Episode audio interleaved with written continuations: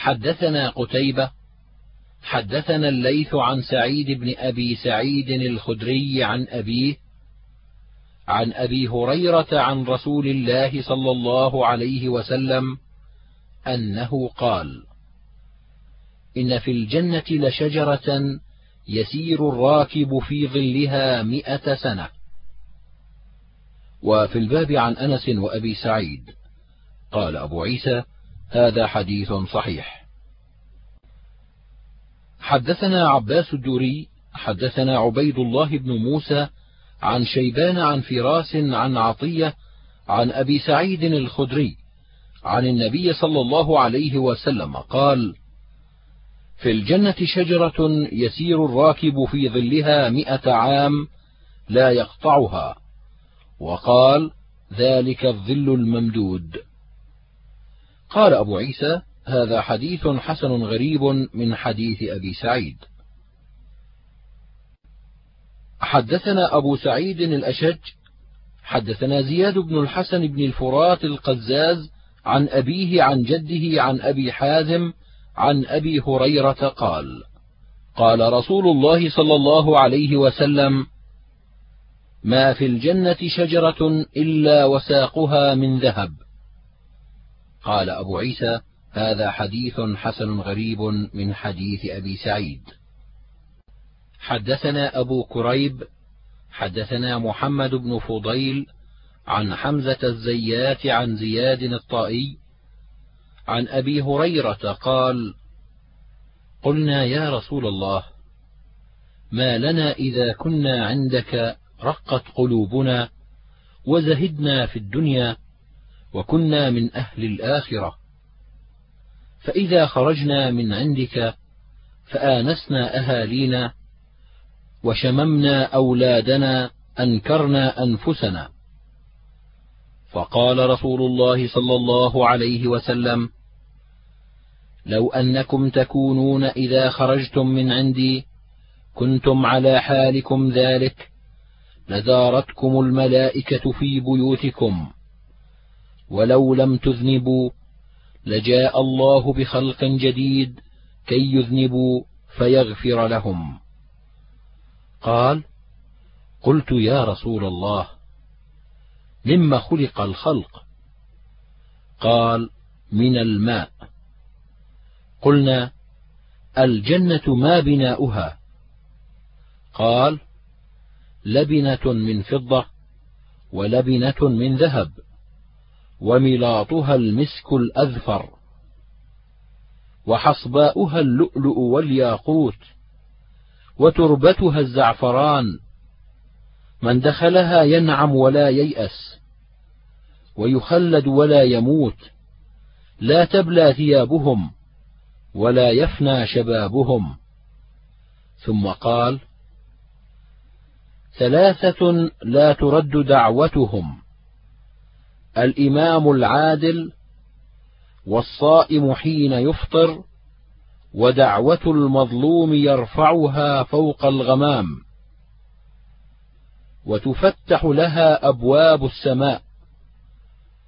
ويقول الرب عز وجل وعزتي لأنصرنك ولو بعد حين. قال أبو عيسى هذا حديث ليس إسناده بذاك القوي وليس هو عندي بمتصل. وقد روي هذا الحديث بإسناد آخر عن أبي مدله عن أبي هريرة عن النبي صلى الله عليه وسلم. حدثنا علي بن حجر حدثنا علي بن مسهر عن عبد الرحمن بن إسحاق عن النعمان بن سعد عن علي قال قال رسول الله صلى الله عليه وسلم إن في الجنة لغرفا يرى ظهورها من بطونها وبطونها من ظهورها. فقام إليه أعرابي فقال لمن هي يا رسول الله؟ قال هي لمن أطاب الكلام وأطعم الطعام وأدام الصيام وصلى لله بالليل والناس نيام. قال أبو عيسى هذا حديث غريب وقد تكلم بعض أهل العلم في عبد الرحمن بن إسحاق. هذا من قبل حفظه وهو كوفي وعبد الرحمن بن إسحاق القرشي مدني وهو أثبت من هذا. حدثنا محمد بن بشار حدثنا عبد العزيز بن عبد الصمد أبو عبد الصمد العمي عن أبي عمران الجوني عن أبي بكر بن عبد الله بن قيس عن أبيه عن النبي صلى الله عليه وسلم قال إن في الجنة جنتين آنيتهما وما فيهما من فضة وجنتين آنيتهما وما فيهما من ذهب وما بين القوم وبين أن ينظروا إلى ربهم إلا رداء الكبرياء على وجهه في جنة عدن. وبهذا الإسناد عن النبي صلى الله عليه وسلم قال إن في الجنة لخيمة من درة مجوفة عرضها ستون ميلا في كل زاوية منها أهل ما يرون الآخرين يطوف عليهم المؤمن. قال أبو عيسى هذا حديث حسن صحيح. وأبو عمران الجوني اسمه عبد الملك بن حبيب وأبو بكر بن أبي موسى قال أحمد بن حنبل لا يعرف اسمه. وأبو موسى الأشعري اسمه عبد الله بن قيس وأبو مالك الأشعري اسمه سعد بن طارق بن أشيم. حدثنا عباس العنبري حدثنا يزيد بن هارون أخبرنا إسرائيل عن محمد بن جحادة عن عطاء عن أبي هريرة قال قال رسول الله صلى الله عليه وسلم في الجنة مئة درجة ما بين كل درجتين مئة عام. قال أبو عيسى هذا حديث حسن غريب. حدثنا قتيبة وأحمد بن عبدة الضبي البصري قالا حدثنا عبد العزيز بن محمد عن زيد بن أسلم عن عطاء بن يسار عن معاذ بن جبل أن رسول الله صلى الله عليه وسلم قال: من صام رمضان وصلى الصلوات وحج البيت لا أدري أذكر الزكاة أم لا إلا كان حقا على الله أن يغفر له. إن هاجر في سبيل الله أو مكث بأرضه التي ولد بها. قال معاذ ألا أخبر بهذا الناس؟ فقال رسول الله صلى الله عليه وسلم ذر الناس يعملون فإن في الجنة مئة درجة ما بين كل درجتين كما بين السماء والأرض. والفردوس أعلى الجنة وأوسطها. وفوق ذلك عرش الرحمن ومنها تفجر أنهار الجنة. فإذا سألتم الله فسلوه الفردوس. قال أبو عيسى هكذا روي هذا الحديث عن هشام بن سعد عن زيد بن أسلم عن عطاء بن يسار عن عبادة بن الصامت. وعطاء لم يدرك معاذ بن جبل ومعاذ قديم الموت. مات في خلافة عمر. حدثنا عبد الله بن عبد الرحمن أخبرنا يزيد بن هارون أخبرنا همام حدثنا زيد بن أسلم عن عطاء بن يسار عن عبادة بن الصامت أن رسول الله صلى الله عليه وسلم قال: في الجنة مئة درجة ما بين كل درجتين كما بين السماء والأرض، والفردوس أعلاها درجة، ومنها تفجر أنهار الجنة الأربعة، ومن فوقها يكون العرش، فإذا سألتم الله فسلوه الفردوس. حدثنا أحمد بن منيع حدثنا يزيد بن هارون حدثنا همام عن زيد بن أسلم نحوه حدثنا قتيبة حدثنا ابن لهيعة عن دراج عن أبي الهيثم عن أبي سعيد عن النبي صلى الله عليه وسلم قال إن في الجنة مئة درجة لو أن العالمين اجتمعوا في إحداهن لوسعتهم. قال أبو عيسى هذا حديث غريب.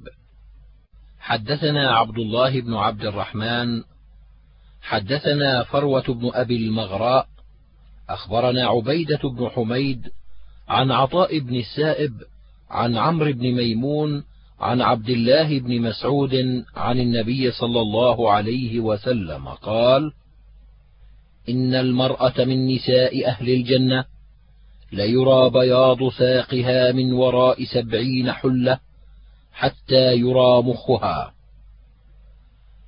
وذلك بأن الله يقول كأنهن الياقوت والمرجان.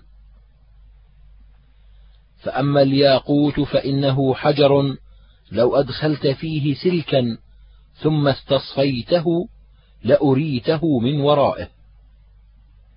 حدثنا هناد حدثنا عبيدة بن حميد عن عطاء بن السائب عن عمرو بن ميمون عن عبد الله بن مسعود عن النبي صلى الله عليه وسلم نحوه. حدثنا هناد حدثنا أبو الأحوص عن عطاء بن السائب عن عمرو بن ميمون عن عبد الله بن مسعود عن النبي صلى الله عليه وسلم نحوه بمعناه ولم يرفعه. وهذا أصح من حديث عبيدة بن حميد. وهكذا روى جرير وغير واحد عن عطاء بن السائب ولم يرفعوه. حدثنا قتيبة حدثنا جرير عن عطاء بن السائب نحو حديث أبي الأحوص ولم يرفعه أصحاب عطاء وهذا أصح. حدثنا سفيان بن وكيع حدثنا أبي عن فضيل بن مرزوق عن عطية عن أبي سعيد عن النبي صلى الله عليه وسلم قال إن أول زمرة يدخلون الجنة يوم القيامة ضوء وجوههم على مثل ضوء القمر ليلة البدر. والزمرة الثانية على مثل أحسن كوكب دري في السماء. لكل رجل منهم زوجتان على كل زوجة سبعون حلة يرى مخ ساقها من ورائها. قال أبو عيسى هذا حديث حسن. حدثنا محمد بن بشار ومحمود بن غيلان قالا حدثنا أبو داود الطيالسي عن عمران القطان عن قتادة عن أنس عن النبي صلى الله عليه وسلم قال يعطى المؤمن في الجنة قوة كذا وكذا من الجماع. قيل يا رسول الله أو يطيق ذلك؟ قال يعطى قوة مئة. وفي الباب عن زيد بن أرقم. قال أبو عيسى هذا حديث صحيح غريب لا نعرفه من حديث قتادة عن أنس إلا من حديث عمران القطان. حدثنا سويد بن نصر أخبرنا عبد الله بن المبارك أخبرنا معمر عن همام بن منبه عن أبي هريرة قال قال رسول الله صلى الله عليه وسلم أول زمرة تلج الجنة صورتهم على صورة القمر ليلة البدر لا يبصقون فيها ولا يمخطون ولا يتغوطون. آنيتهم فيها الذهب وأمشاطهم من الذهب والفضة ومجامرهم من الألوة ورشحهم المسك ولكل واحد منهم زوجتان يرى مخ سوقهما من وراء اللحم من الحسن. لا اختلاف بينهم ولا تباغض. قلوبهم قلب رجل واحد.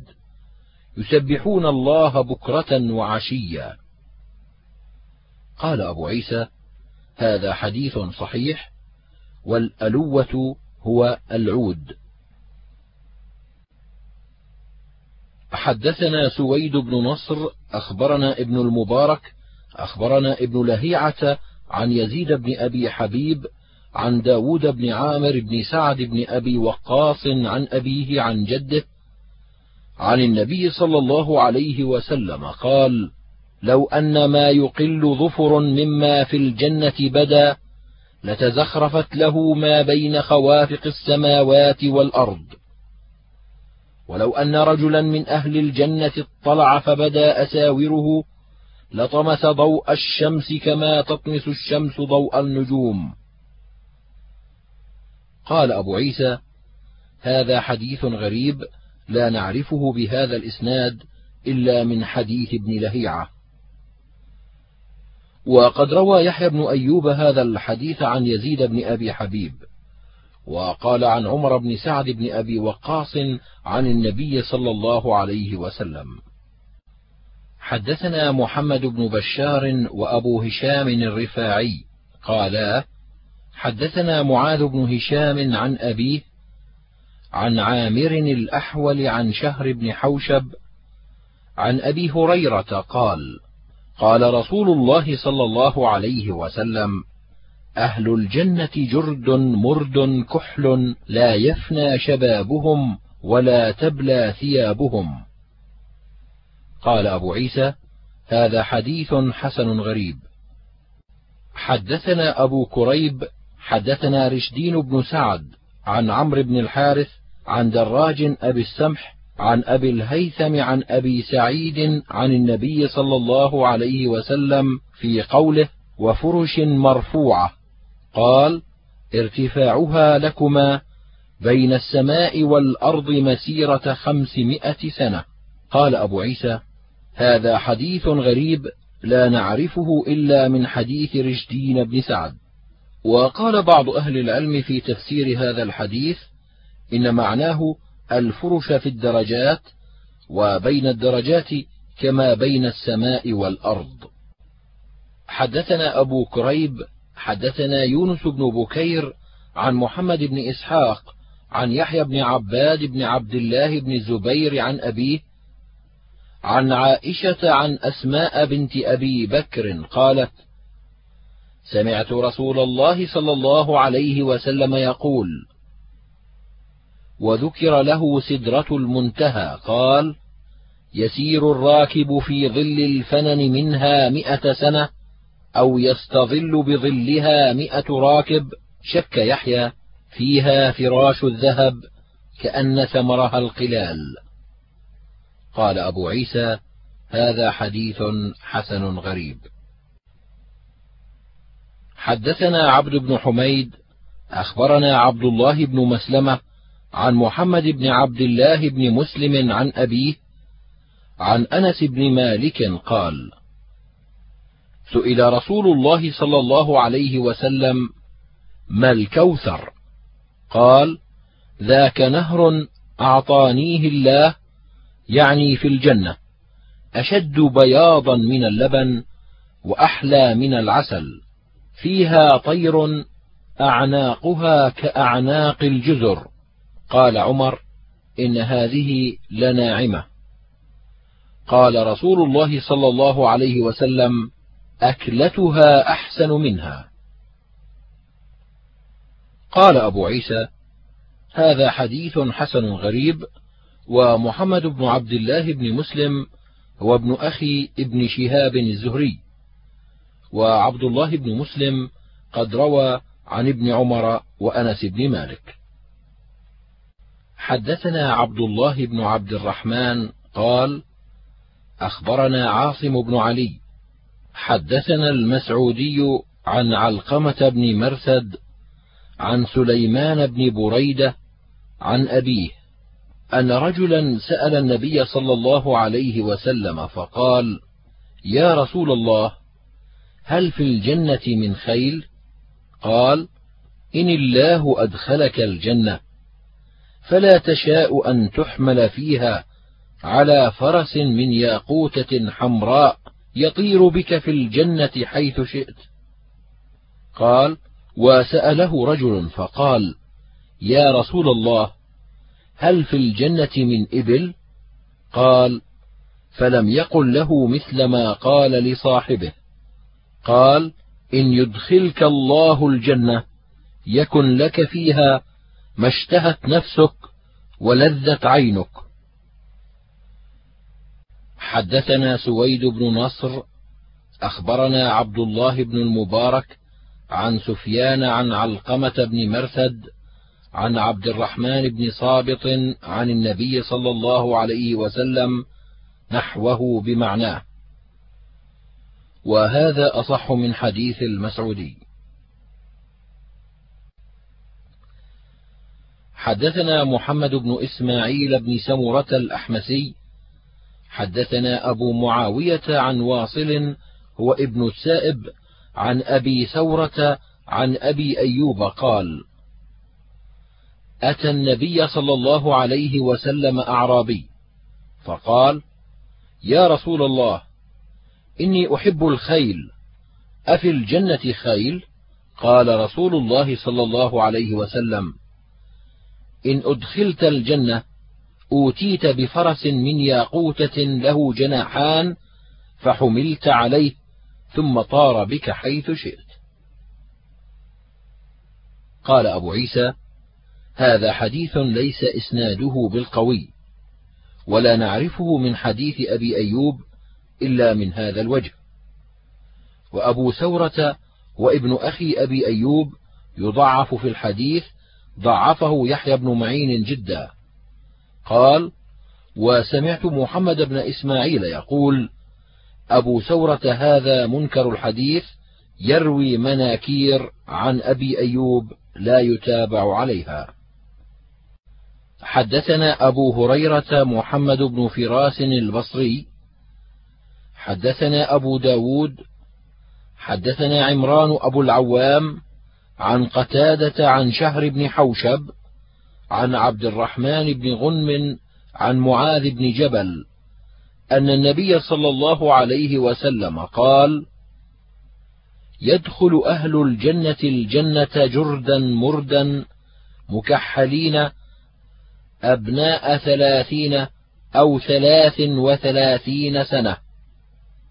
قال أبو عيسى هذا حديث حسن غريب. وبعض أصحاب قتادة رووا هذا عن قتادة مرسلا ولم يسندوه. حدثنا حسين بن يزيد الطحان الكوفي حدثنا محمد بن فضيل عن ضرار بن مرة عن محارب بن ديثار عن ابن بريدة عن أبيه قال: قال رسول الله صلى الله عليه وسلم: أهل الجنة عشرون ومائة صف، ثمانون منها من هذه الأمة، وأربعون من سائر الأمم. قال أبو عيسى: هذا حديث حسن.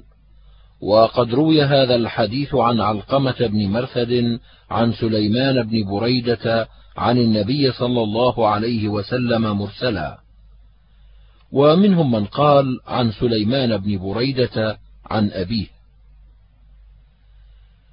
وحديث أبي سنان عن محارب بن دثار حسن وأبو سنان اسمه ضرار بن مرة وأبو سنان الشيباني اسمه سعيد بن سنان وأبو سنان الشامي اسمه عيسى بن سنان هو القسملي. حدثنا محمود بن غيلان حدثنا أبو داود أنبأنا شعبة عن أبي إسحاق قال سمعت عمرو بن ميمون يحدث عن عبد الله بن مسعود قال كنا مع النبي صلى الله عليه وسلم في قبة نحوا من أربعين فقال لنا رسول الله صلى الله عليه وسلم أترضون أن تكونوا ربع أهل الجنة؟ قالوا نعم. قال: أترضون أن تكونوا ثلث أهل الجنة؟ قالوا نعم. قال: أترضون أن تكونوا شطر أهل الجنة؟ إن الجنة لا يدخلها إلا نفس مسلمة. ما أنتم في الشرك إلا كالشعرة البيضاء في جلد الثور الأسود. أو كالشعرة السوداء في جلد الثور الأحمر. قال أبو عيسى: هذا حديث حسن صحيح، وفي الباب عن عمران بن حسين وأبي سعيد الخدري. حدثنا الفضل بن الصباح البغدادي، حدثنا معن بن عيسى القزاز، عن خالد بن أبي بكر عن سالم بن عبد الله عن أبيه قال قال رسول الله صلى الله عليه وسلم باب أمتي الذي يدخلون منه الجنة عرضه مسيرة الراكب الجواد ثلاثا ثم إنهم ليضغطون عليه حتى تكاد مناكبهم تزول.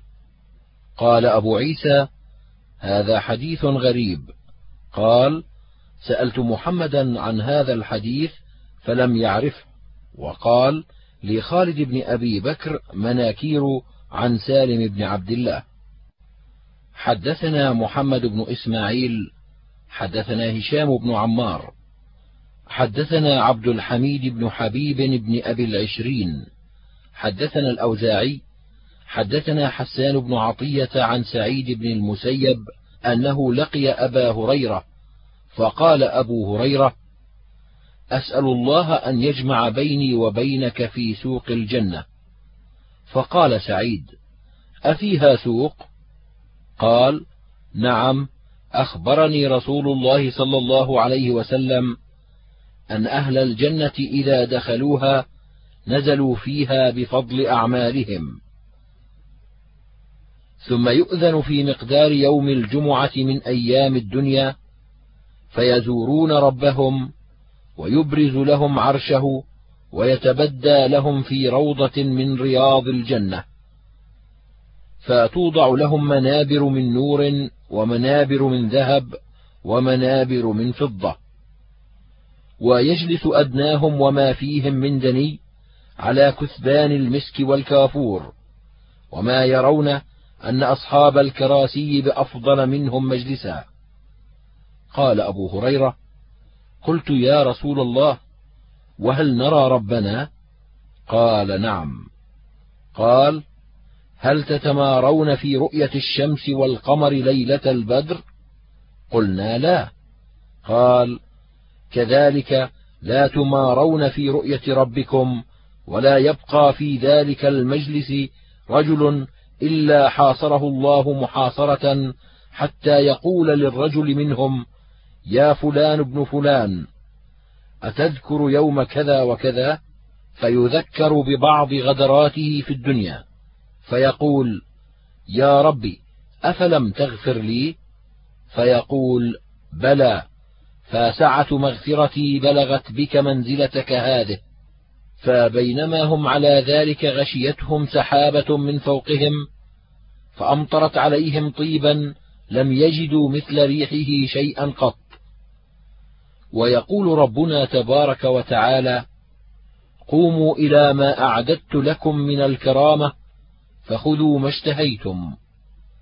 فنأتي سوقا قد حفت به الملائكة فيه ما لم تنظر العيون إلى مثله ولم تسمع الآذان ولم يخطر على القلوب فيحمل لنا ما اشتهينا ليس يباع فيها ولا يشترى.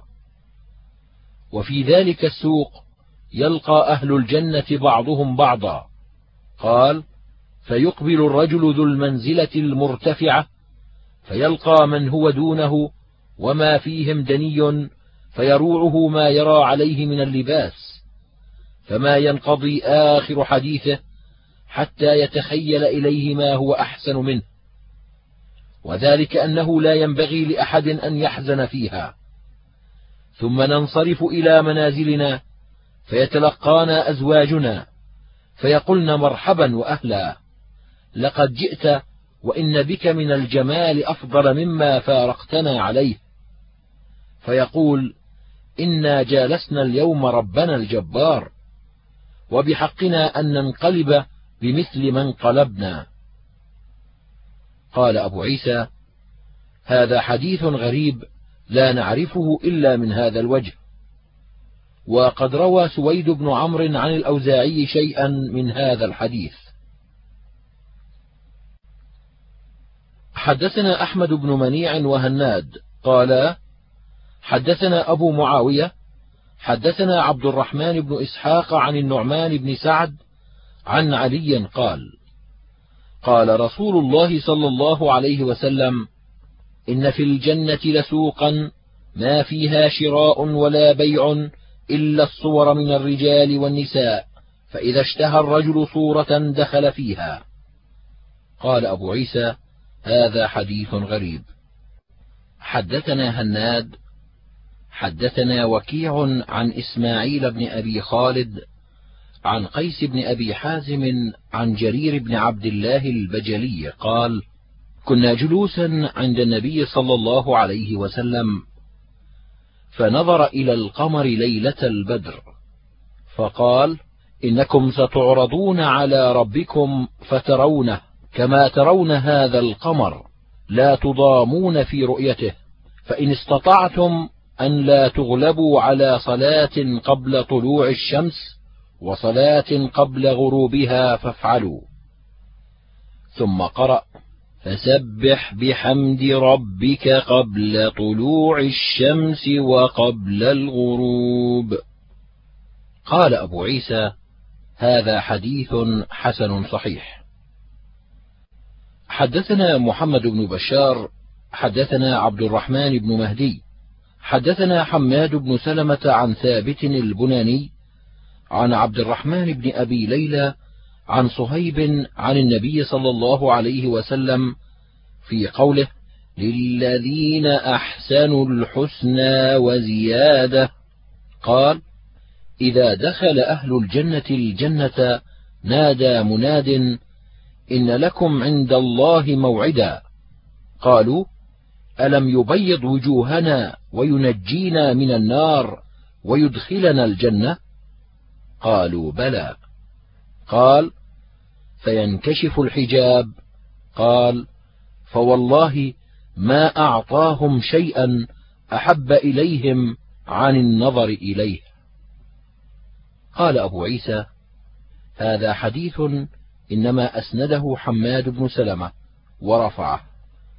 وروى سليمان بن المغيرة وحماد بن زيد هذا الحديث عن ثابت البناني عن عبد الرحمن بن أبي ليلى قوله حدثنا عبد بن حميد أخبرني شبابة عن إسرائيل عن ثوير قال سمعت ابن عمر يقول قال رسول الله صلى الله عليه وسلم إن أدنى أهل الجنة منزلة لمن ينظر إلى جنانه وأزواجه ونعيمه وخدمه وسرره مسيرة ألف سنة وأكرمهم على الله من ينظر إلى وجهه غدوة وعشية.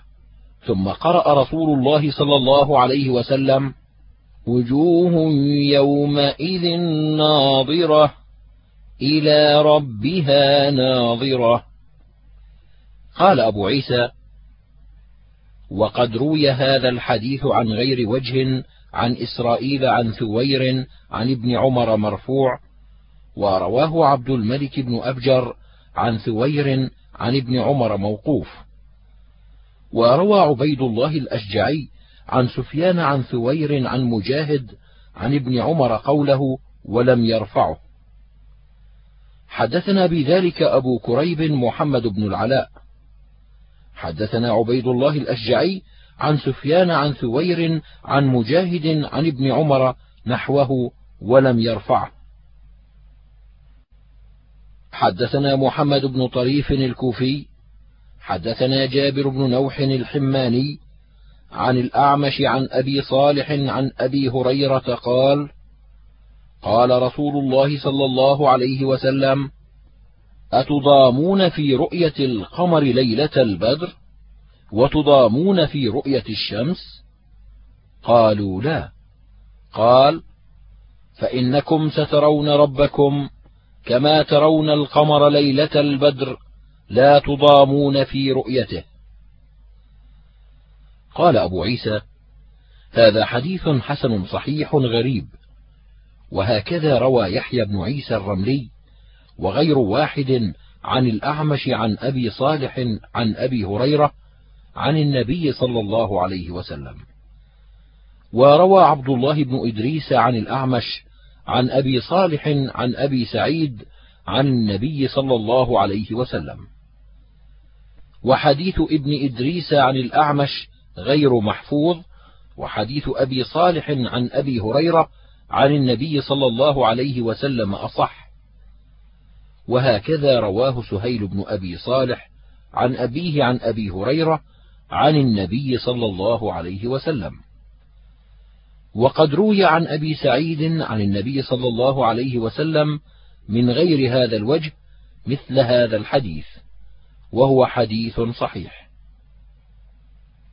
حدثنا سويد بن نصر أخبرنا عبد الله بن المبارك أخبرنا مالك بن أنس عن زيد بن أسلم عن عطاء بن يسار عن أبي سعيد الخدري قال قال رسول الله صلى الله عليه وسلم إن الله يقول لأهل الجنة يا أهل الجنة فيقولون لبيك ربنا وسعديك. فيقول هل رضيتم؟ فيقولون ما لنا لا نرضى وقد أعطيتنا ما لم تعط أحدا من خلقك. فيقول أنا أعطيكم أفضل من ذلك. قالوا أي شيء أفضل من ذلك؟ قال أحل عليكم رضواني فلا أسخط عليكم أبدا. قال أبو عيسى هذا حديث حسن صحيح. حدثنا سويد بن نصر أخبرنا عبد الله بن المبارك أخبرنا فليح بن سليمان عن هلال بن علي عن عطاء بن يسار عن أبي هريرة عن النبي صلى الله عليه وسلم قال إن أهل الجنة ليتراءون في الغرفة كما تتراءون الكوكب الشرقي. أو الكوكب الغربي الغارب في الأفق والطالع في تفاضل الدرجات. فقالوا يا رسول الله أولئك النبيون. قال بلى والذي نفسي بيده وأقوام آمنوا بالله ورسوله وصدقوا المرسلين. قال أبو عيسى هذا حديث حسن صحيح. حدثنا قتيبة حدثنا عبد العزيز بن محمد عن العلاء بن عبد الرحمن عن أبيه عن أبي هريرة أن رسول الله صلى الله عليه وسلم قال يجمع الله الناس يوم القيامة في صعيد واحد ثم يطلع عليهم رب العالمين فيقول ألا يتبع كل إنسان ما كانوا يعبدونه فيمثل لصاحب الصليب صليبه ولصاحب التصاوير تصاويره ولصاحب النار ناره فيتبعون ما كانوا يعبدون ويبقى المسلمون فيطلع عليهم رب العالمين فيقول ألا تتبعون الناس؟ فيقولون نعوذ بالله منك نعوذ بالله منك الله ربنا. هذا مكاننا حتى نرى ربنا وهو يأمرهم ويثبتهم.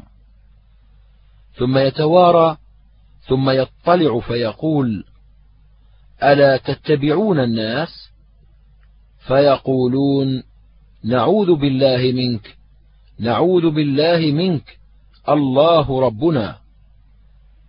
وهذا مكاننا حتى نرى ربنا وهو يأمرهم ويثبتهم.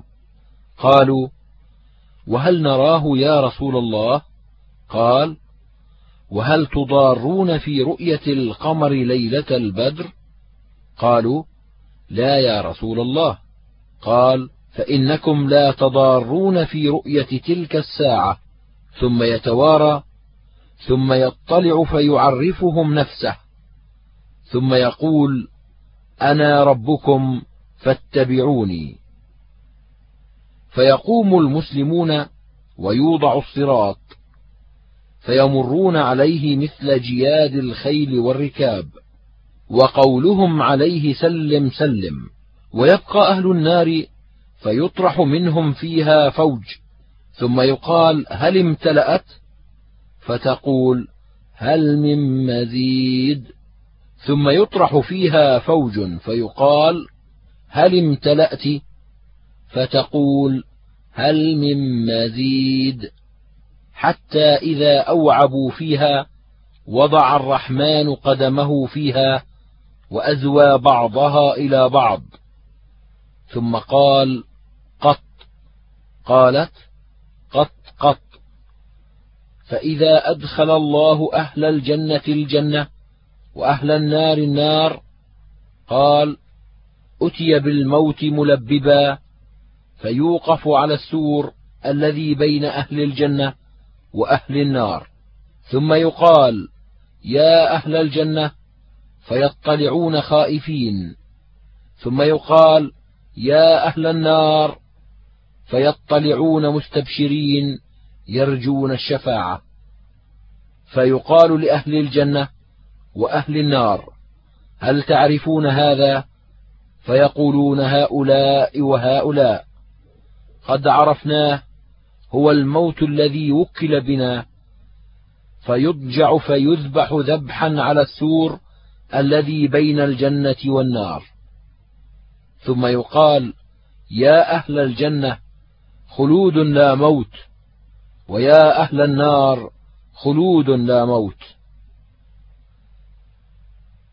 قال أبو عيسى هذا حديث حسن صحيح.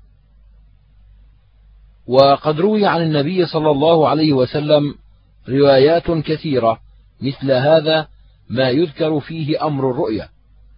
أن الناس يرون ربهم وذكر القدم وما أشبه هذه الأشياء.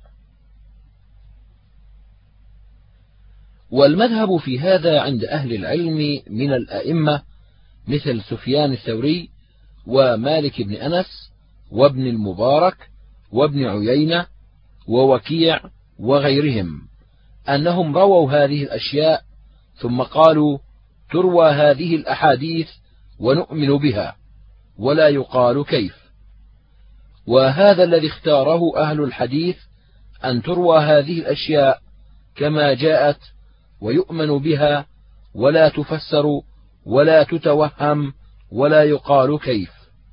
وهذا أمر أهل العلم الذي اختاروه وذهبوا إليه. ومعنى قوله في الحديث فيعرفهم نفسه يعني يتجلى لهم. حدثنا سفيان بن وكيع حدثنا أبي عن فضيل بن مرزوق عن عطية عن أبي سعيد يرفعه قال إذا كان يوم القيامة أتي بالموت كالكبش الأملح. فيوقف بين الجنة والنار. فيذبح وهم ينظرون. فلو أن أحدا مات فرحا لمات أهل الجنة. ولو أن أحدا مات حزنا لمات أهل النار. قال أبو عيسى هذا حديث حسن صحيح.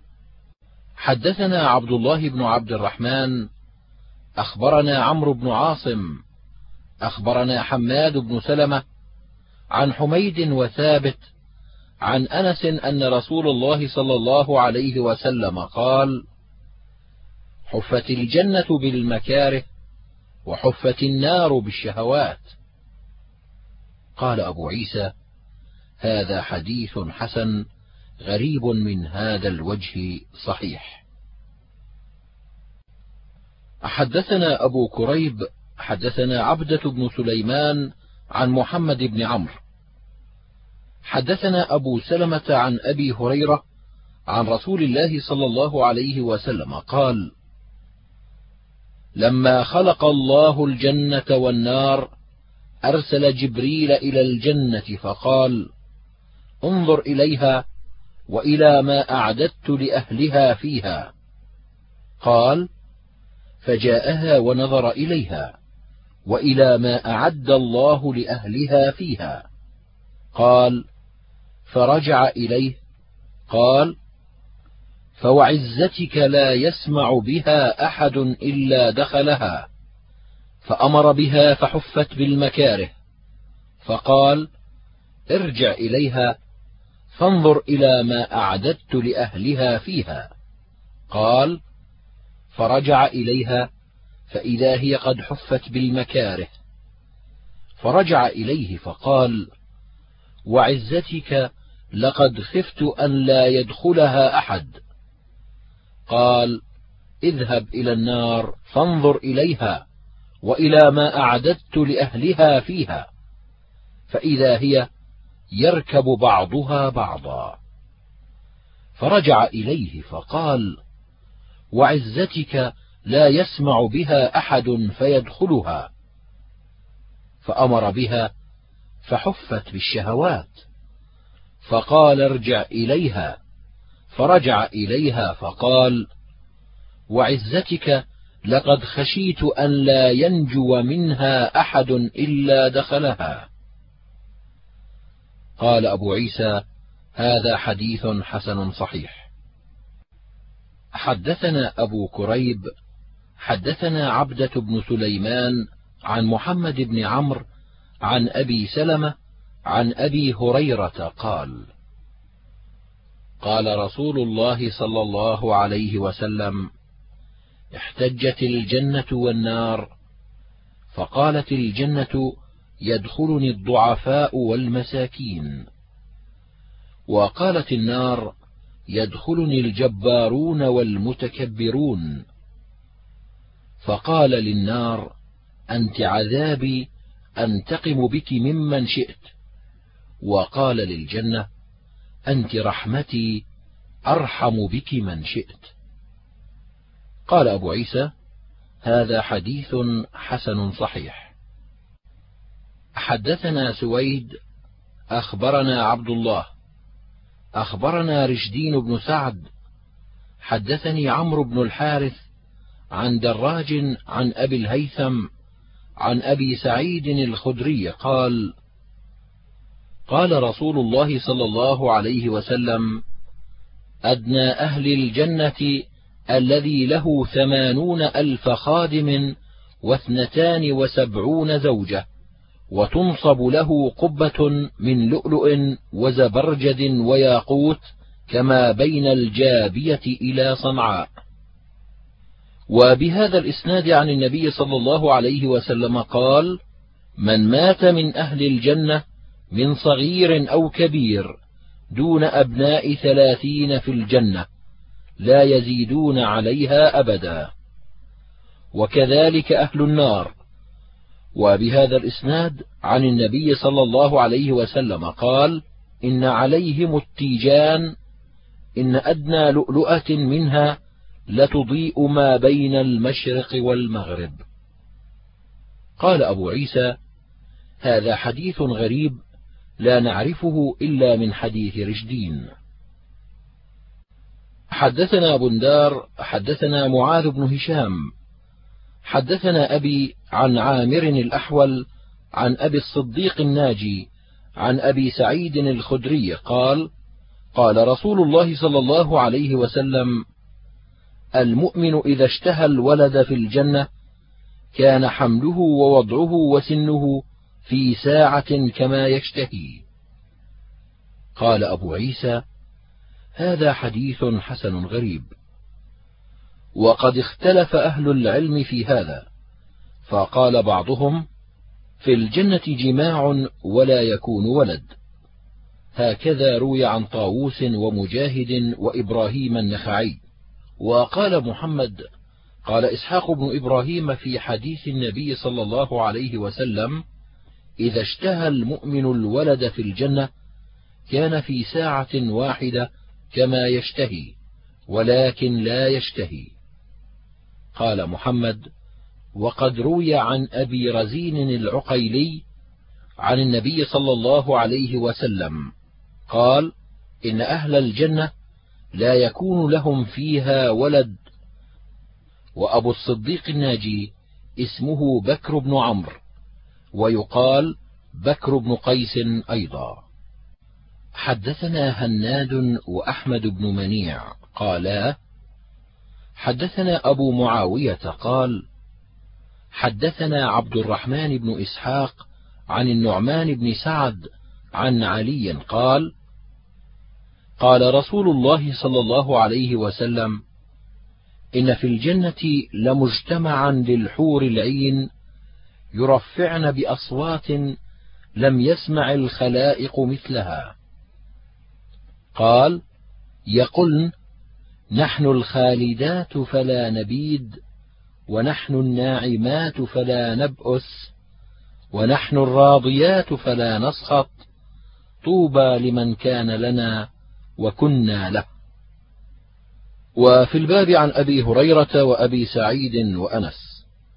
قال أبو عيسى حديث علي حديث غريب. حدثنا محمد بن بشار حدثنا روح بن عبادة عن الأوزاعي عن يحيى بن أبي كثير في قوله عز وجل فهم في روضة يحبرون. قال السماع ومعنى السماع مثل ما ورد في الحديث أن الحور العين يرفعن بأصواتهن. حدثنا أبو كريب حدثنا وكيع عن سفيان عن أبي اليقظان عن زاذان عن عبد الله بن عمر قال قال رسول الله صلى الله عليه وسلم ثلاثة على كثبان المسك. وراه قال يوم القيامة يغبطهم الأولون والآخرون.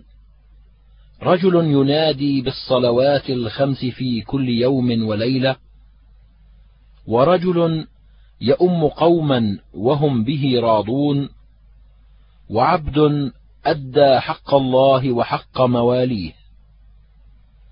قال أبو عيسى هذا حديث حسن غريب لا نعرفه إلا من حديث سفيان الثوري. وأبو اليقظان اسمه عثمان بن عمير ويقال ابن قيس. حدثنا أبو كريب حدثنا يحيى بن آدم عن أبي بكر بن عياش عن الأعمش عن منصور عن ربعي بن خراش عن عبد الله بن مسعود يرفعه قال ثلاثة يحبهم الله. رجل قام من الليل يتلو كتاب الله ورجل تصدق صدقة بيمينه يخفيها. أراه قال من شماله. ورجل كان في سرية فانهزم أصحابه فاستقبل العدو. قال أبو عيسى هذا حديث غريب من هذا الوجه وهو غير محفوظ والصحيح ما روى شعبة وغيره عن منصور عن ربعي بن خراش عن زيد بن ظبيان عن أبي ذر عن النبي صلى الله عليه وسلم. وأبو بكر بن عياش كثير الغلط. حدثنا محمد بن بشار ومحمد بن المثنى. قالا حدثنا محمد بن جعفر حدثنا شعبة عن منصور بن المعتمر. قال: سمعت ربعي بن خراش يحدث عن زيد بن ظبيان يرفعه إلى أبي ذر عن النبي صلى الله عليه وسلم. قال: ثلاثة يحبهم الله، وثلاثة يبغضهم الله، فأما الذين يحبهم الله فرجل أتى قوما فسألهم بالله ولم يسألهم بقرابة بينه وبينهم فمنعوه. فتخلف رجل بأعقابهم فأعطاه سرا لا يعلم بعطيته إلا الله والذي أعطاه. وقوم ساروا ليلتهم حتى إذا كان النوم أحب إليهم مما يعدل به نزلوا فوضعوا رؤوسهم فقام أحدهم يتملقني ويتلو آياتي. ورجل كان في سرية فلقي العدو فهزموا وأقبل بصدره حتى يقتل أو يفتح له. والثلاثة الذين يبغضهم الله الشيخ الزاني والفقير المختال والغني الظلوم. حدثنا محمود بن غيلان حدثنا النصر بن شميل عن شعبة نحوه. قال أبو عيسى هذا حديث صحيح وهكذا روى شيبان عن منصور نحو هذا وهذا أصح من حديث أبي بكر بن عياش. حدثنا أبو سعيد الأشج حدثنا عقبة بن خالد حدثنا عبيد الله بن عمر عن خبيب بن عبد الرحمن عن جده حفص بن عاصم عن أبي هريرة قال قال رسول الله صلى الله عليه وسلم يوشك الفرات يحسر عن كنز من ذهب فمن حضره فلا يأخذ منه شيئا.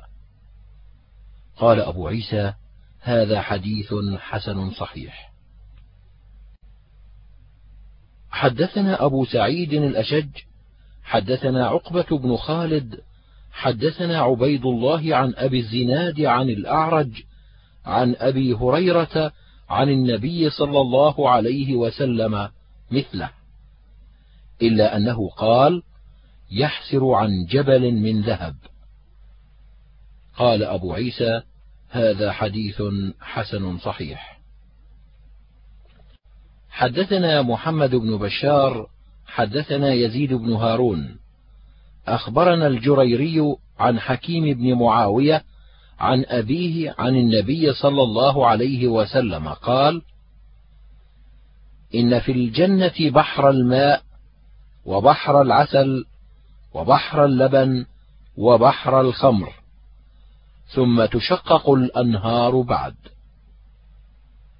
قال أبو عيسى هذا حديث حسن صحيح وحكيم بن معاوية هو والد بهز بن حكيم والجريري يكنى أبا مسعود واسمه سعيد بن إياس.